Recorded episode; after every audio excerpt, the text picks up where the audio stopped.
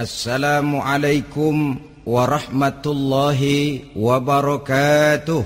Waalaikumsalam warahmatullahi wabarakatuh.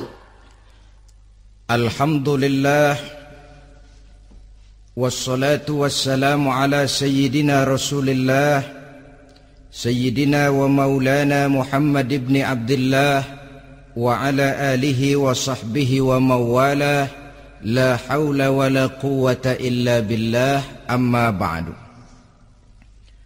Bapak-bapak, ibu-ibu, saudara-saudara kaum muslimin Rahimakumullah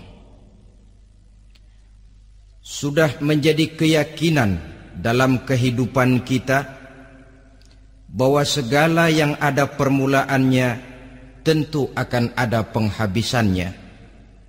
Setiap yang punya awal mesti akan punya akhir. Tidak ada keabadian dalam kehidupan dunia ini. Semuanya datang dan pergi silih berganti berubah oleh pergeseran masa dan pertukaran waktu. Demikianlah kalau kita mau merenungi kehidupan dari alam di sekitar kita. Sejak dari kehidupan tumbuh-tumbuhan, binatang, sampai kepada kehidupan kita, makhluk bernama manusia. Lihatlah kita manusia misalnya. Dimulai sejak kita terlahir ke alam ini, keluar dari alam rahim ibu menjadi bayi yang merah tidak berdaya untuk kemudian berangsur meningkat menjadi anak-anak dari kehidupan anak-anak berubah lagi kita menjadi remaja dengan segala keceriaan dan kelincahannya dan dari masa remaja naik lagi kita memasuki usia dewasa untuk kemudian berangsur memasuki hari tua. Lalu setelah kita memasuki hari tua, sehari, seminggu, sebulan, setahun, sampailah kita kepada batas waktu yang telah ditentukan oleh Allah yang dinamakan ajal dan bertemulah kita dengan yang disebut maut. Ini merupakan kepastian dalam kehidupan. Kalau saja kita mau merenung perubahan-perubahan yang terjadi pada diri kita seharusnya membuat kita insaf dan sadar. Di kala remaja kita begitu lincah, punya rambut yang hitam ikal berderai, punya lesung di pipit, punya senyum yang indah menawan setiap orang yang melihat, punya kulit yang kencang dan bersih. Manakala kita memasuki hari tua, perubahan frontal pun terjadi. Kulit mulai jadi keriput, rambut yang tadinya hitam ikal berderai mulai memutih, nikmat berkurang, Gigi yang tadinya utuh dan sanggup mengunyah apa saja Satu demi satu permisi meninggalkan kita. Sangat boleh jadi Dikala remaja kita senyum semua orang terpikat Dikala hari tua dengan kulit yang keriput Dan gigi yang tidak ada lagi Manakala kita senyum Mungkin orang bakal lari dari sekitar kita Ke mana keindahan yang tadinya begitu menawan? Ke mana senyum lesung pipit yang tadinya menarik perhatian orang? Pergi meninggalkan kita, berubah oleh pergeseran masa dan pertukaran waktu. Nah, bila maut datang menjemput kita, selesailah kehidupan sampai di situ. Ternyata belum kalau lahir merupakan perpindahan hidup dari alam rahim ke alam dunia, maka mati hakikatnya merupakan perpindahan hidup dari alam dunia ini ke alam kehidupan yang berikutnya yang dinamakan dengan alam barzah. Andai kata hidup cuma sekali, secara moral kita sanggup berkata alangkah tidak adilnya Tuhan. Kenapa? Dalam kehidupan ini kan aneka ragam terjadi.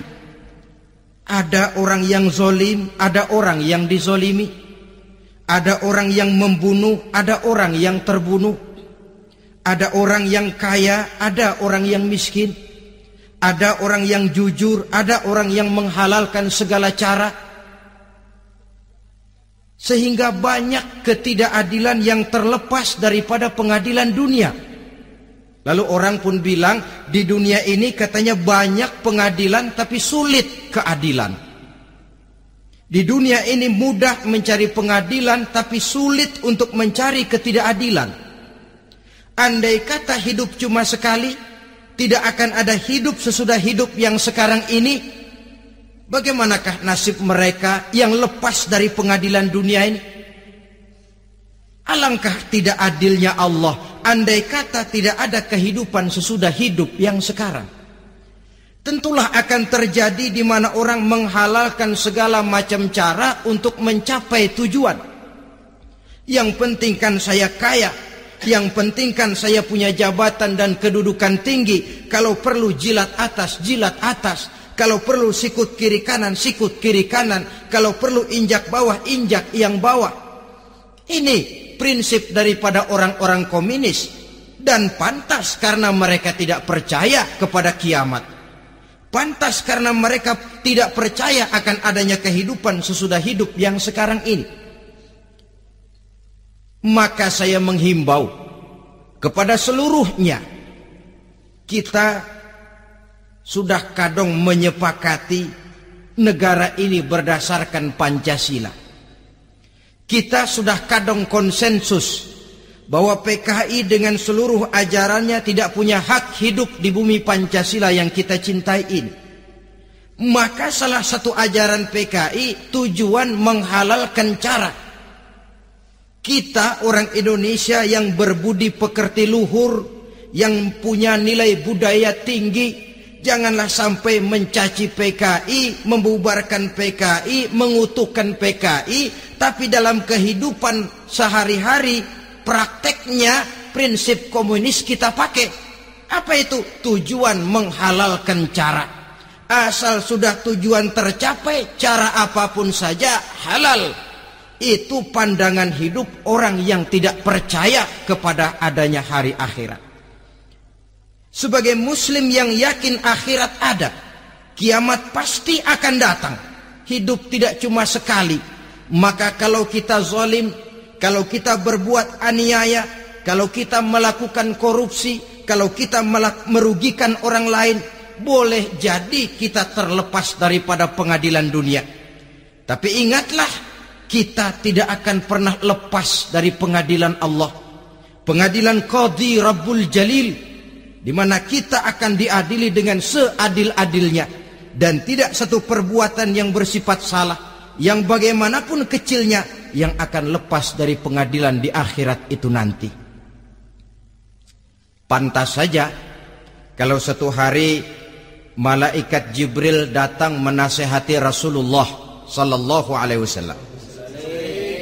Yang artinya juga menasehati kita semua apa kata malaikat Jibril kepada baginda Nabi? Ya Muhammad, ish ma syi'ta fa innaka mayyitun. Hai Muhammad, hiduplah semau kamu tapi jangan lupa kamu pasti akan mati. Kalau memang dilarang tidak terlarang, dicegah tidak tercegah, kamu mau menurut kamu mau melaksanakan hidup menurut maumu sendiri, persilahkan. Hiduplah menurut mau dan gayamu. Tapi jangan lupa fa innaka mayyitun satu saat kau pasti bakal mati. Dan mati itu bukan akhir dari segalanya. Dia babak baru bagi kehidupan selanjutnya. Silahkan hidup menurut maumu tapi jangan lupa kau pasti akan mati Wa'mal ma syi'ta fa innaka majziyun bih. Kerjakan apa saja yang kamu mau. Kalau kau mau menghalalkan segala macam cara, persilahkan halalkan segala macam cara. Tapi jangan lupa kau akan mendapat balasan dari seluruh amal perbuatanmu. Wa ahbib ma syi'ta fa innaka mufariquhu dan cintailah apa saja yang mau kau cintai. Kau cintai anak istrimu silahkan. Kau cintai harta bendamu tafadhal. Kau cintai tanah airmu, kau cintai pangkat dan jabatanmu, persilahkan. Tapi jangan lupa fa innaka mufariquhu kau pasti akan berpisah dan akan meninggalkan segala yang kau cintai itu apa artinya ini buat kita? Ternyata sesudah maut datang menjemput kita ada kehidupan sesudah hidup yang sekarang ini. Ini yang mendorong kita untuk dalam kehidupan di dunia ini tidak melakukan prinsip saenae dewe semaunya sendiri saja asal perut kenyang asal pangkat tinggi asal harta dapat masa bodoh dengan merugikan orang lain. Masa bodoh dengan menipu orang lain. Iku jenenge saenake dhewe. Muslim tidak diajarkan. Ingat manusia setelah kau mati setelah kiamat datang kau akan dibangkitkan, kau akan dimintakan pertanggungan jawab tentang kehidupan yang sekarang ini. Saudara hadirin, oleh sebab itu kalau kita bicara soal kiamat, soal akhirat, ini memang masalah yang gaib. Yang sepenuhnya tidak bisa dicernakkan dengan kemampuan penalaran intelektual Dasar di dalam membicarakan ini tidak lain adalah iman kita kepada Allah Subhanahu wa taala. Bukan cuma zaman sekarang, dari zamannya Nabi. Orang itu kalau sudah bicara kiamat, bicara akhirat, ada yang ragu-ragu, ada yang menolak sama sekali. Bukan dari zaman sekarang, dari zaman dulu. Ong pernah kok satu saat Rasulullah itu dakwah menceritakan saudara-saudara akan terjadi kiamat di mana Allah akan membangkitkan manusia dari kuburnya untuk memintakan pertanggungan jawab. Ini dalam dakwahnya Nabi pidato macam itu. Apa reaksi orang? Yang beriman ya mantap. Tapi yang tidak beriman, bajingan-bajingan Quraisy ini. Mereka bertepuk tangan, mengejek, mencaci, Malahan ini yang luar biasa ada dua orang kafir namanya Ubay bin Ka'ab dan Al-As bin Wa'il. Mendengar pidato macam ini mereka buru-buru pulang ke rumah. Ngapain? Ngambil pacul. Lalu berangkat nyari kuburan tua. Dia gali itu kuburan Tulang-tulangnya diangkut, dibawa ke depan Nabi. Ya Muhammad, tulang-tulang yang udah hancur begini, siapa yang bisa ngidupin lagi? Ah, yang macam-macam aja kamu Muhammad. Nggak rasional, nggak masuk akal. Allah menjawab. Apa kata Allah? وضرب لنا مثلا ونسي خلقه قال من يحيي العظام وهي رميم قل يحييها الذي أنشأها أول مرة وهو بكل خلق عليم Mereka memberikan perumpamaan kepada kami kata Allah. Mereka melupakan asal kejadiannya. Mereka bertanya, siapa yang sanggup menghidupkan tulang belulang yang sudah hancur kayak begini? Qul yuhyiha allazi ansha'aha awwala marrah. Katakan kepada mereka Muhammad yang akan menghidupkannya adalah dia yang telah menciptakannya pertama kali dulu. Kalau dia sanggup menciptakan, dia tentu lebih sanggup lagi untuk mengembalikan reproduksi ciptaan itu sebagaimana semula. Yang paling kasihan yang ragu-ragu. Akhirat itu ada apa enggak sih? kiamat itu ada apa enggak sih? Lantaran ragu-ragu, terombang ambing dia antara harapan dan putus asa, antara kenyataan dan idealisme. Ada yang buta sama sekali, 100% terhadap keadaan-keadaan sesudah mati. Perhatian mereka hanya tercurah kepada kehidupan sebelum mati. Yang mereka perhatikan siang dan malam tidak lebih daripada urusan perut. Pergi pagi, pulang sore, peras keringat, banting tulang. Cuma soal makan, soal minum, soal pakaian, soal kendaraan, soal rumah tangga, soal anak, soal istri. Yang mereka pentingkan hanya soal-soal politik misalnya, ekonomi, pembangunan dan industri. Untuk soal-soal kayak begitu, giat betul. Habis seluruh waktu untuk memikirkan, meningkatkan kebudayaan, politik, sosial, ekonomi Kadang-kadang kurang tidur, kurang istirahat, berkeliaran ke sana kemari ke tempat yang jauh-jauh. Sampai-sampai kadang-kadang terkena stres. Penyakit darah tinggi, ginjal, lever, untuk memikirkan hal-hal yang semata-mata karena dunia saja. Lantas boleh jadi mereka mendapatkan kekayaan yang berlimpah ruah mendapatkan kedudukan yang tinggi, nama yang semerbak, dikenal orang di barat dan di timur, di utara dan di selatan. Tetapi alangkah kecewanya mereka. Jikalau datang ajal menjemput nyawa, mati mereka meninggalkan harta yang banyak, nama yang masyhur. Mereka disebut dengan jasa-jasanya. Radio memberitakan, TV menyiarkan, koran-koran memuat. Bahkan nama mereka kadang-kadang dikenang dua tiga tahun setelah wafatnya. Tetapi dalam pada itu, roh mereka merintih, mengeluh, menderita. Karena dilemparkan oleh Allah ke tempat-tempat yang kotor. Penyesalan yang sudah tidak akan ada gunanya lagi. Saudara-saudara kaum muslimin rahimakumullah. Oleh karena itu, kehidupan akhirat bukanlah dongeng dan takhayul. Bukan khurafat dan hayalan. Kehidupan akhirat, hari kiamat adalah kebenaran dan kepastian.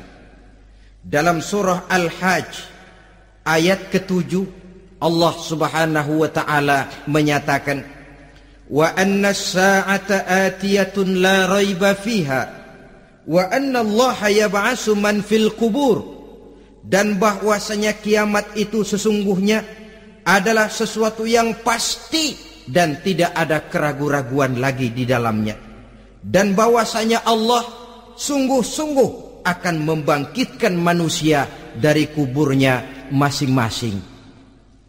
Nah, kalau kita sudah yakin kiamat sesuatu yang pasti adanya, akhirat sesuatu yang pasti adanya. Dari mana pembicaraan tentang kiamat ini kita mulai?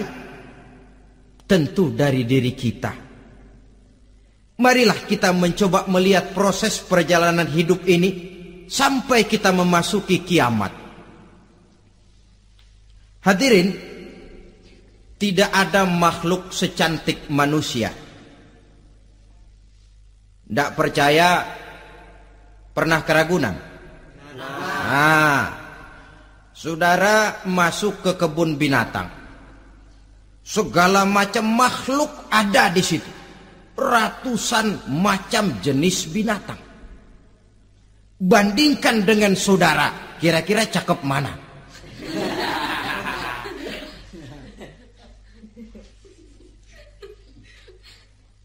dari seluruh makhluk yang diciptakan Allah itu manusia fi ahsani takwim dalam bentuk yang paling sempurna sejak susunan biologis sampai kemampuan berpikir biologis kita ya Allah diciptakan kita begini rupa diberikan dua kaki untuk berjalan dua tangan untuk bekerja diberikan dua mata dua-duanya di depan Pernah saudara mikir kalau mata kita yang satu di depan, yang satu di belakang? Ah, rasanya nggak laku kacamata itu.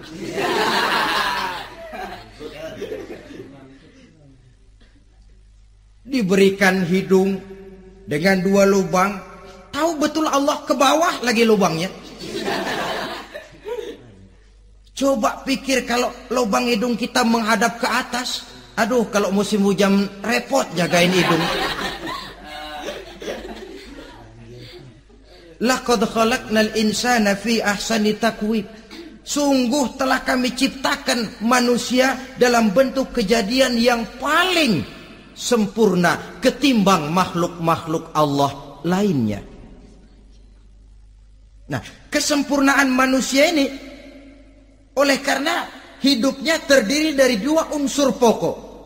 Pertama unsur jasmani dan kedua unsur rohani. Jasad dan roh. Jasad yang terlihat sekarang ini. Potongan saudara yang ngejedok di depan saya ini. Ini jasad saudara. Ini yang berasal dari sari pati makanan yang dimakan oleh bapak ibu kita. Lalu hasil kerjasama yang baik antara ibu dengan bapak. Terwujudlah kita. Kalimat langsungnya jasad ini berasal dari tanah yang tadi berubah dari bayi remaja dewasa meningkat hari tua yang berubah itu jasmani kita. Kenapa? Karena jasmani itu materi, benda, daya tahannya terbatas. Dia berubah oleh pergeseran masa dan pertukaran waktu. Apa ada orang makin tua makin cakep? Jasmani oleh karena dia materi, dia berubah oleh pergeseran masa dan pertukaran waktu. Nah, yang menyebabkan jasmani itu bergerak karena ada roh di dalamnya. Ini yang menyebabkan kehidupan. Ini yang menjadi sumber kehidupan, pusat kesadaran dan pengertian dalam kehidupan manusia. Tanpa roh dalam diri kita, maka jasad kita pernah lihat orang mati. Nah, itu kalau orang mati, coba perhatikan. Apanya yang kurang? Kupingnya masih ada, tapi sudah tidak sanggup mendengar. Matanya masih lengkap, tapi tidak mampu melihat. Jangankan melihat, terbuka saja tidak.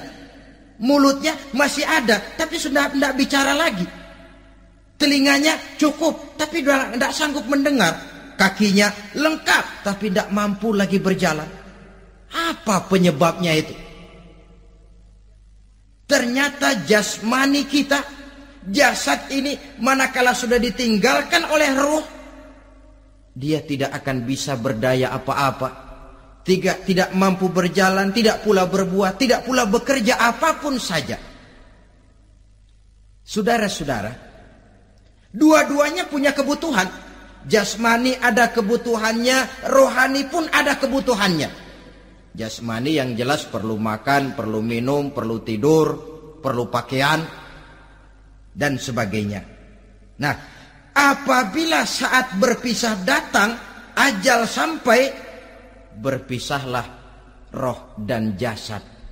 Dan itulah yang dinamakan dengan maut. Jadi apa sih mati itu? Mati adalah berpisahnya roh dengan jasad. Sebab itu Islam sangat menganjurkan kita untuk banyak-banyak mengingat mati. Bagaimana caranya mengingat mati? Pertama, mati itu kan pasti. Kira-kira yang hadir di sini ada yang nggak mati nggak kira-kira? Semuanya bakal mati kan? Berani? Berani. Sekarang mau? Saudara,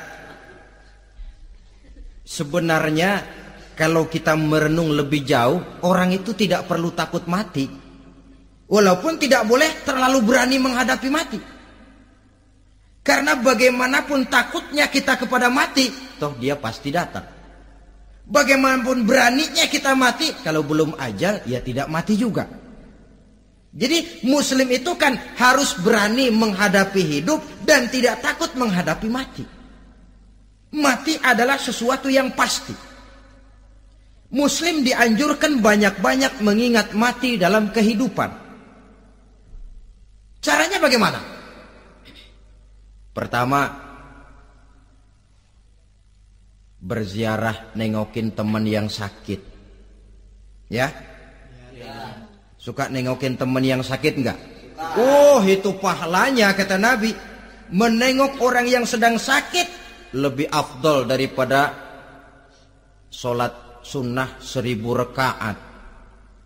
Apa pernah saudara sembahyang sunnah sampai seribu rekaat? Nengokin orang sakit pahalanya lebih afdol daripada itu.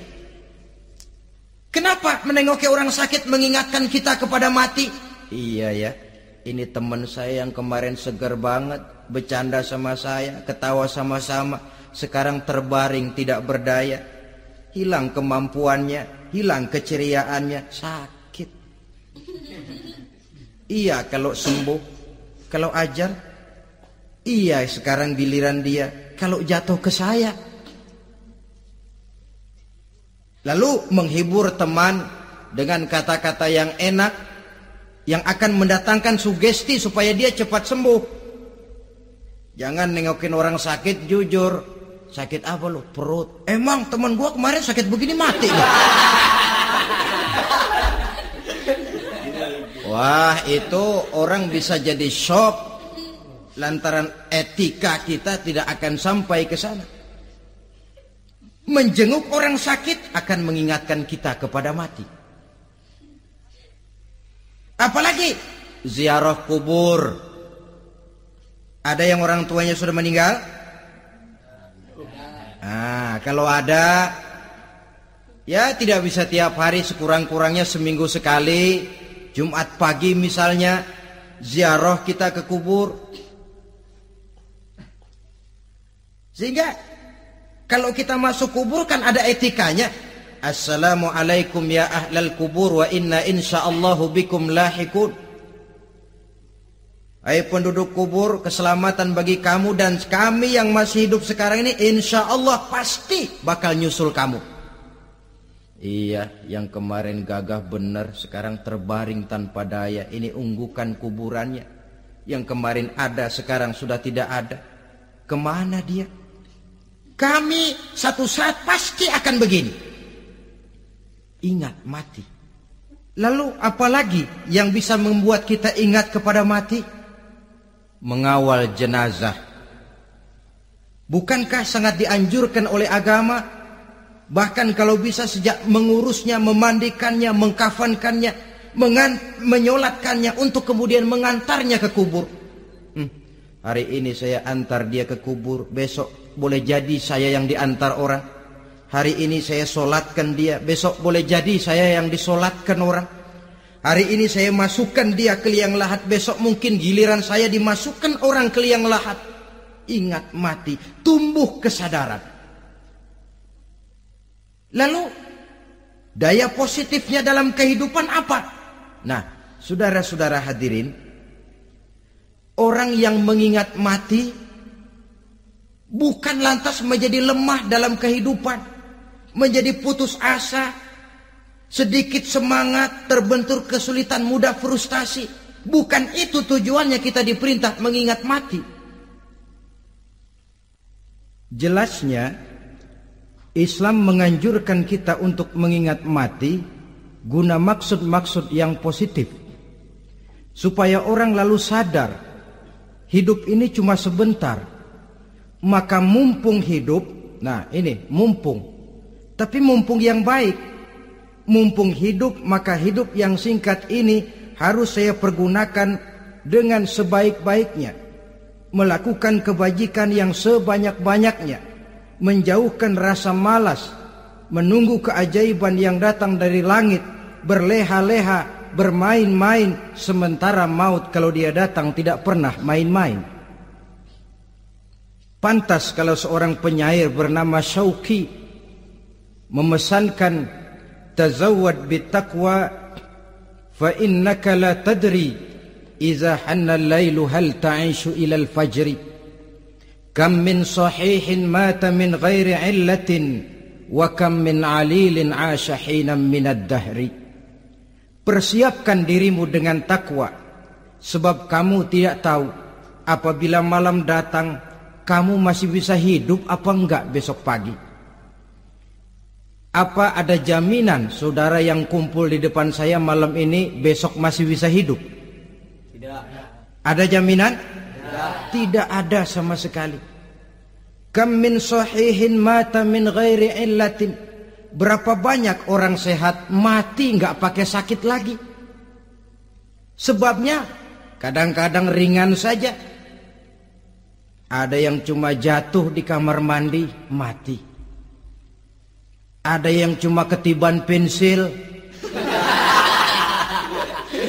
Iya, kalau ketiban pensil tiga peti masa nggak mati. Ta'addadatil asbab wal mautu wahid. Sebabnya boleh jadi macam-macam, tapi mati satu juga, yaitu mati. Dia seperti kelapa yang terlalu tua jatuh ke bawah yang kembang baru keluar pun jatuh ke bawah. Itulah mati. Dia datang menjemput yang bayi, dia datang mengambil yang anak-anak, dia datang juga kepada yang remaja, kepada yang dewasa, kepada yang tua sekalipun. Jangan yang remaja lalu berpikir, ah gua rasanya mau masih jauh banget mau mati. Eh eh, ini sesuatu yang pasti yang kita tidak pernah diberitahu kapannya. Kalau dikasih tahu kapannya kan kita bisa umpama malaikat maut datang ke rumah saya, saudara Zainuddin kau mati 80 tahun lagi. Wah saya kan berhitung, ah masih lama, poya-poya aja dulu ah. Tapi ini tidak pernah diberitahu kepada kita. Lantaran tidak diberitahu itulah kita perlu bersiap-siap dengan selalu mengingat-ingat mati yang mendorong kita untuk berbuat positif. Satu contoh peringatan mati yang mendatangkan positif pada peristiwa ketika turun perintah hijrah. Ketika di Mekah sudah terpepet turun perintah hijrah. Ini sahabat yang berangkat hijrah, jangan dikira semua bulat hati. Ada yang mikir, kalau saya hijrah berangkat dari Mekah ke Madinah, nanti di tengah jalan dicegat oleh kafir Quraisy lalu dibunuh pan mati saya. Takut mati. Allah peringatkan kullu nafsin za'iqatul maut. Kamu disuruh hijrah saja takut mati padahal kamu tahu semua yang hidup bakalan mati. Diam saja di Mekah mati, hijrah ke Madinah pun akan mati. Mendengar ayat ini, Sayyidina Umar bin Khattab seperti dibakar semangatnya. Kalau sebagian sahabat hijrah sembunyi-sembunyi, beliau mau hijrah itu malah bajingan Quraisy dikumpulkan dekat Ka'bah. Pidato, "Ya ma'syarah Quraisy, eh, dedengkot dedengkot Quraisy. Dengerin. Besok pagi yang namanya Umar bin Khattab mau hijrah dari Mekah ke Madinah. Siapa yang kepengen kepalanya berpisah dengan badannya, persilahkan cegat Umar di jalanan. Besok dengan tenang dia berangkat hijrah, gak ada yang berani nyegat. Tuh Quraisy juga barangkali mikir gue ngapain nyegat penyakit. Begitu ingat mati, timbul semangat juang. Timbul semangat berbuat. Ini ingat mati yang positif, bukan yang melemahkan semangat. Dah jangan kerja rajin-rajin dah, lu bakalan mati. Ini ingat mati yang salah pasang. Ingat mati seharusnya mendorong manusia untuk berbuat lebih tekun. Allah memberikan peringatan. Qul innal mauta alladhi tafiruna minhu fa innahu mulaqikum. Katakan maut yang kamu akan melarikan diri daripadanya, yang kamu takuti benar dia, dia pasti akan datang menjemput kamu. Saudara-saudara hadirin yang saya hormati. Datangnya memang tidak kita harapkan yang namanya maut. Tapi sekali dia datang tidak ada pintu tempat kita lari. Dia memang tidak pernah kita undang. Tapi sekali dia datang mengetok pintu, kekuatan apa yang bisa menolak? Dia sebuah tanda seru dalam kehidupan. Apa yang menyebabkan orang takut mati? Pertama barangkali karena dia tidak tahu bagaimana kehidupan sesudah mati alam kubur gelap, alam akhirat gelap. Sehingga dia bingung, lantaran bingung lalu jadi takut. Yang kedua boleh jadi oleh bayangan-bayangan dosa yang pernah dia kerjakan di dunia ini. Kerjanya cuma menumpuk dosa. Dia gembira, bahagia, tertawa di atas tumpukan dosanya. Merasa segan berpisah dengan seluruh kehidupan ini. Sehingga boleh jadi maut adalah sesuatu yang ditakutkannya benar dalam kehidupan. Tapi bagaimanapun takutnya, tidak ada tempat lari dari dia. Dalam ayat lain Allah jelaskan, Aynama takunu yudrikumul mautu walau kuntum fi burujim musayyadah. Di mana saja kamu berada, dalam benteng yang paling tangguh sekalipun, maut pasti akan datang menjemput kamu. Nah, bagaimana caranya maut datang menjemput kita? Bila datang dia, sang malaikat pencabut nyawa, malaikat Israel namanya, hendak mengambil roh kita. Dalam suasana macam begitu, di akhir kehidupan dunia, dalam berhadapan dengan sakaratul maut terbagilah manusia dalam dua bagian besar. Pertama yang menghadapi sakaratul maut itu dengan husnul khatimah. Baik di akhirnya sehingga pada saat ruhnya berpisah dengan jasadnya kelihatan dia seperti senyum, mukanya cerah, Bahkan sebelum itu boleh jadi dia sempat meninggalkan pesan-pesan yang baik. Ada yang sempat azan, ada yang sempat baca Quran. Pernah kan nemui orang yang mau mati seperti itu? Yang sempat azan, yang sempat baca Quran, yang sempat meninggalkan wasiat-wasiat yang baik. Sebab apa? Malaikat maut datang menjemput mereka juga dengan baik-baik Dicabut ruhnya perlahan-lahan. Tapi sungguh pun perlahan-lahan. Pedihnya, sakitnya tetap tiada tara. Rasulullah Sallallahu Alaihi Wasallam. Dikala beliau hendak berhadapan dengan sakaratul maut. Diceritakan mencelupkan tangannya ke dalam gelas berisi air. Lalu mengusapkannya ke muka beliau seraya berdoa. Ya Allah mudahkan saya dalam menghadapi sekarat ini. Beliau juga yang mengatakan bahwa sakitnya sakaratul maut sama dengan 300 kali bacokan pedang. Sehingga kita diajarkan doa di antara doa selamat itu kan ada Allahumma hawwin alaina fi sakaratil Ya Allah mudahkan saya di dalam menghadapi sakaratul maut itu.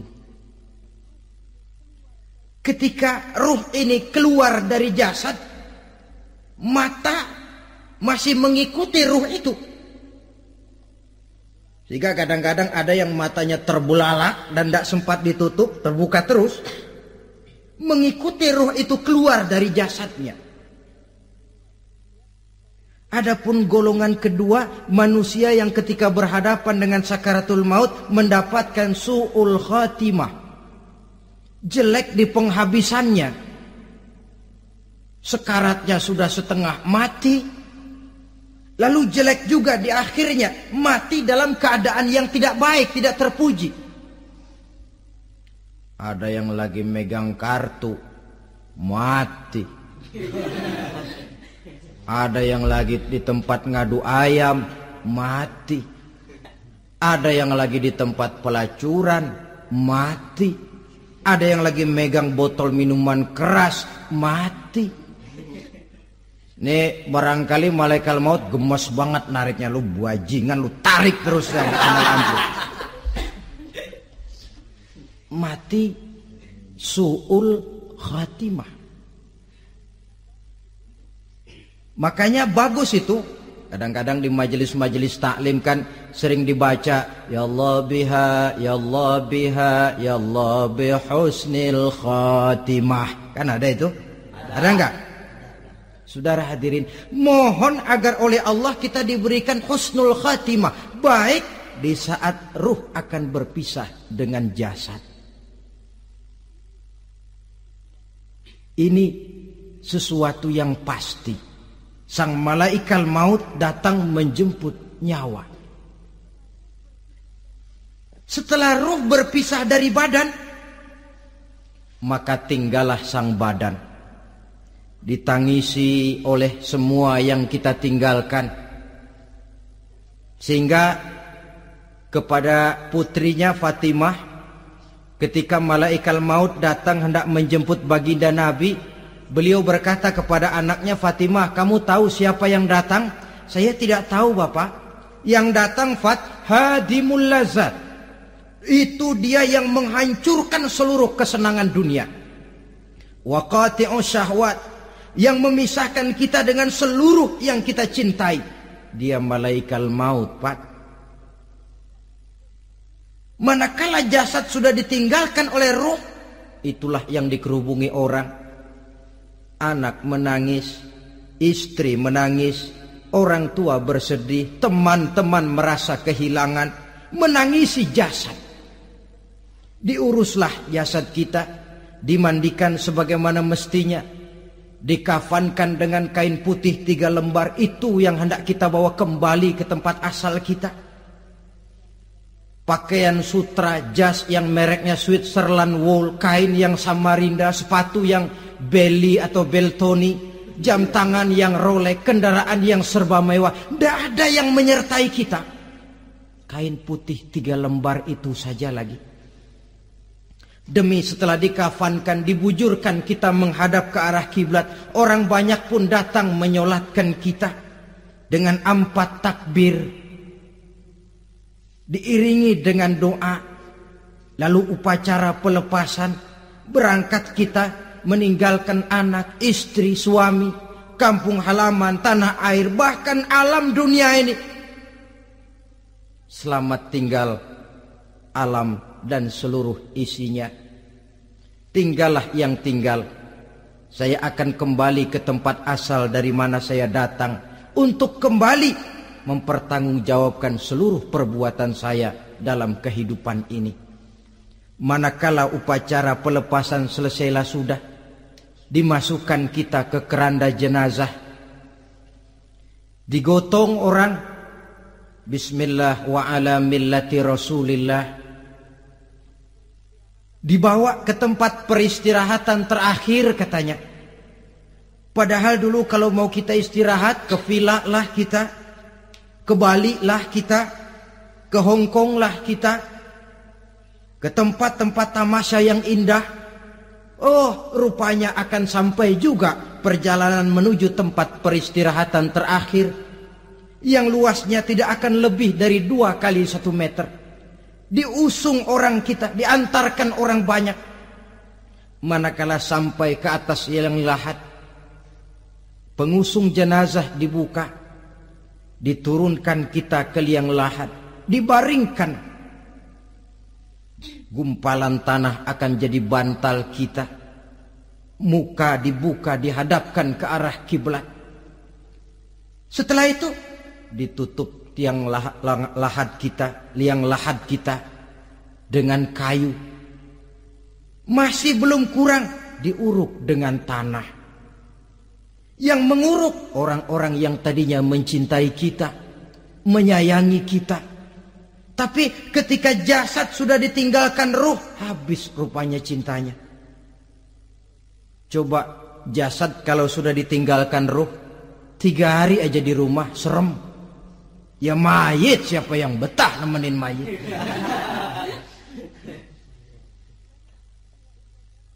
Lalu bila upacara pemakaman selesai, maka berusahalah semuanya.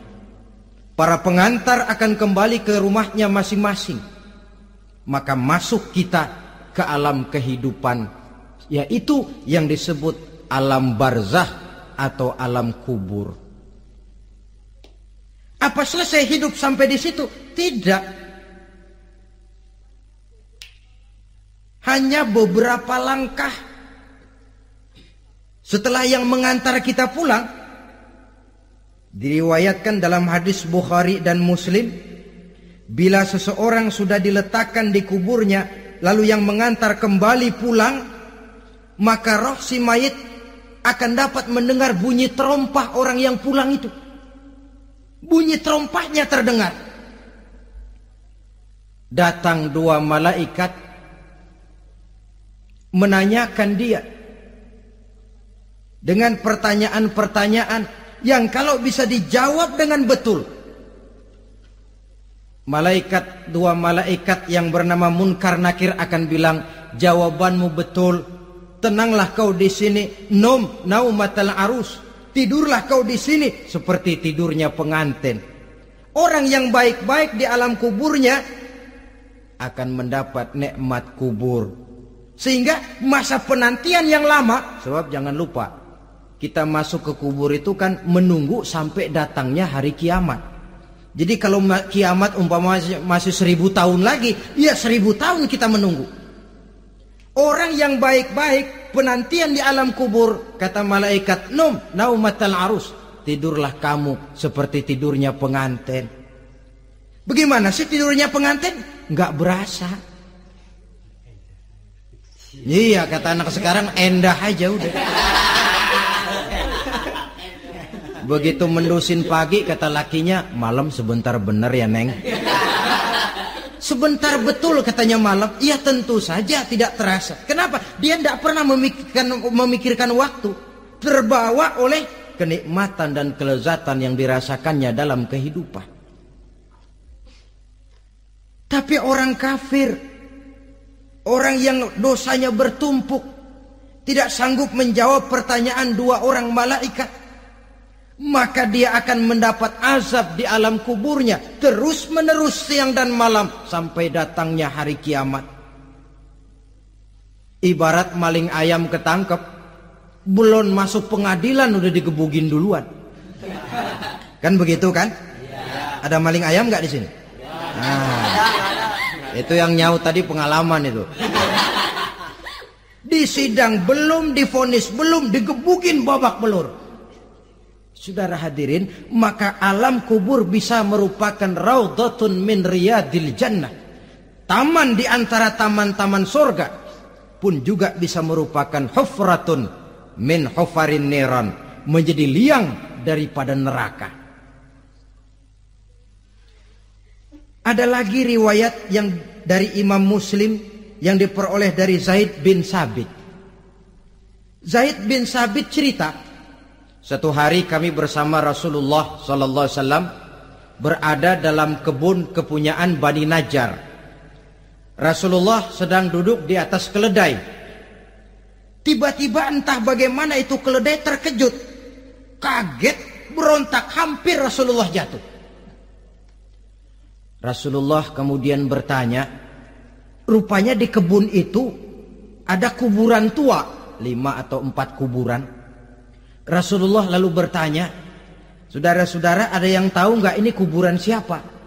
Nggak ada ya Rasulullah. Memang kenapa? Ini penghuni kuburnya lagi disiksa oleh Allah.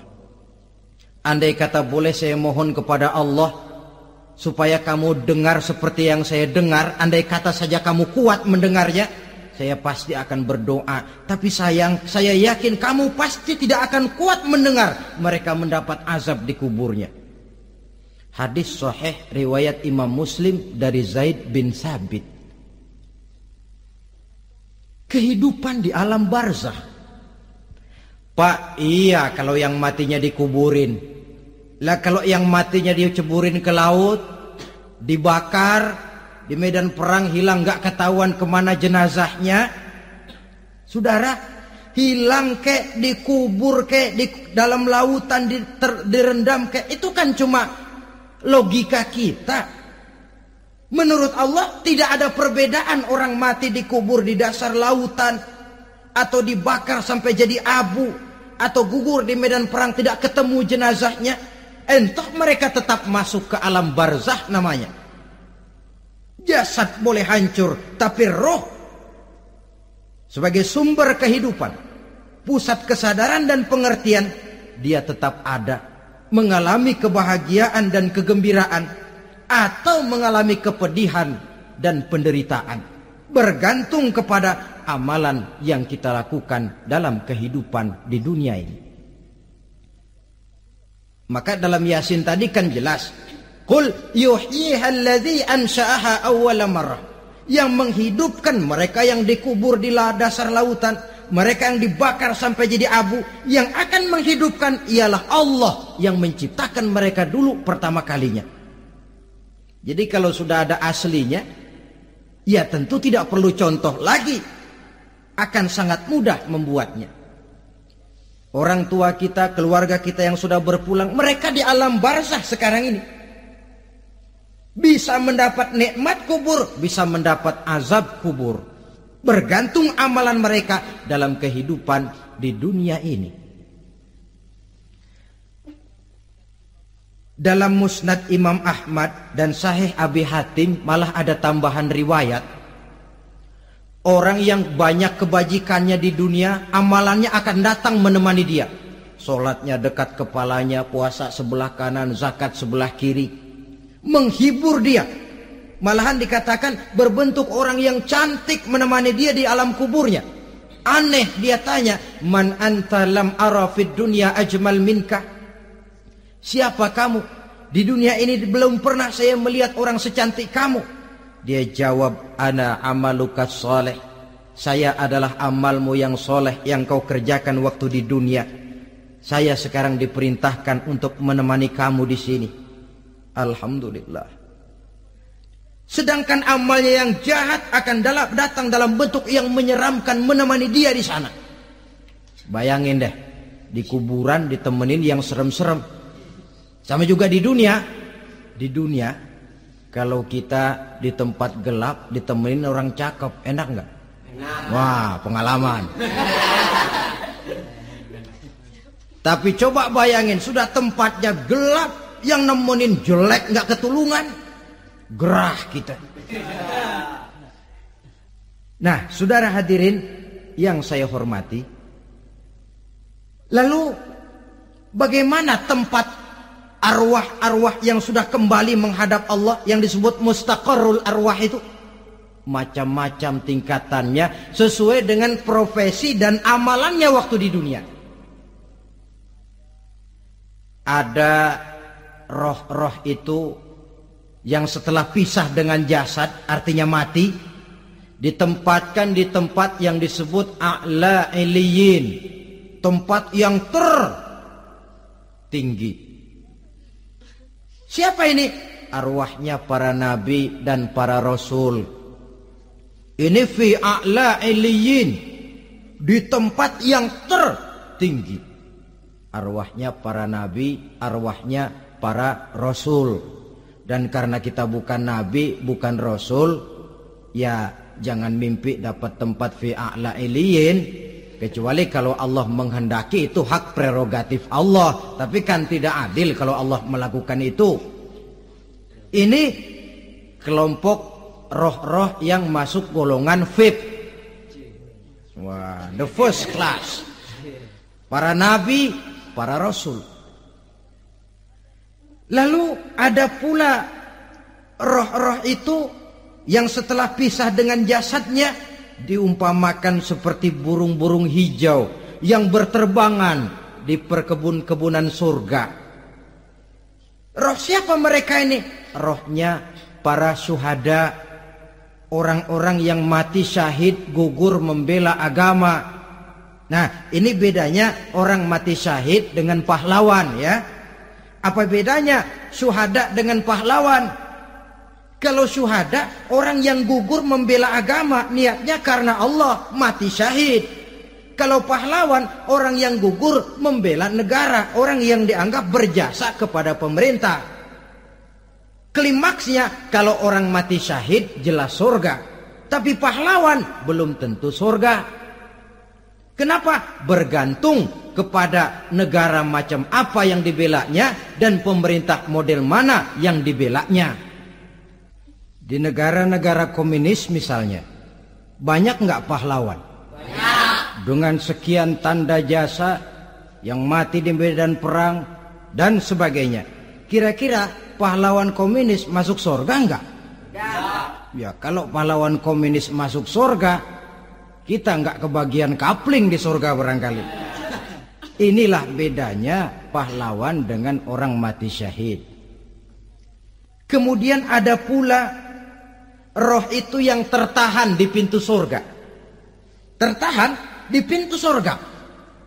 Ini seperti tadi, orang yang mati syahid tapi masih ada kaitan di dunia Rasulullah pernah ditanya orang, ya Rasul, kalau saya maju ke medan perang bela agama, mati syahid, apa saya masuk surga? Iya, masuk surga. Kecuali kata Nabi, kalau masih punya utang. Nah, tertahan di pintu surga. Ada pula roh itu yang tertahan di alam kuburnya. Ini umumnya seperti tadi itu ada mempunyai dosa, mempunyai kesalahan, sehingga merasakan azab kubur. Ada juga roh itu yang tertahan di permukaan bumi. Mereka yang dalam hidup selalu menumpuk dosa-dosa yang besar. Meninggal sebelum keburu untuk bertaubat. Saudara hadirin yang saya hormati. Inilah yang kita khawatirkan. Sebab jikalau pada saat roh sudah datang, jikalau saatnya roh datang berpisah dengan jasad, menemukan sakaratul maut, saat itu taubat sudah tidak akan ada gunanya lagi. Masuk ke alam kubur, mendapat azab kubur. Sampai datangnya hari kiamat. Berapa lama di azab di alam kubur ini? Menunggulah kita sampai datang saatnya kiamat. Nah, saudara-saudara, apa tanda-tanda hari kiamat? Kapan dia akan datang? Bagaimana hal ihwal manusia pada saat terjadi kiamat? Bagaimana alam ini? Bagaimana perhitungan di padang mahsyar? Insya Allah akan saya ungkapkan pada bagian kedua dari ceramah ini. Insya Allah kita akan lanjutkan pembicaraan ini sampai kepada terminal paling akhir surga dan neraka. Inilah saja pertemuan kita pada kesempatan kali ini. Terima kasih banyak atas segala perhatian. Mohon maaf atas segala kekurangan. Wabillahi taufik wal hidayah.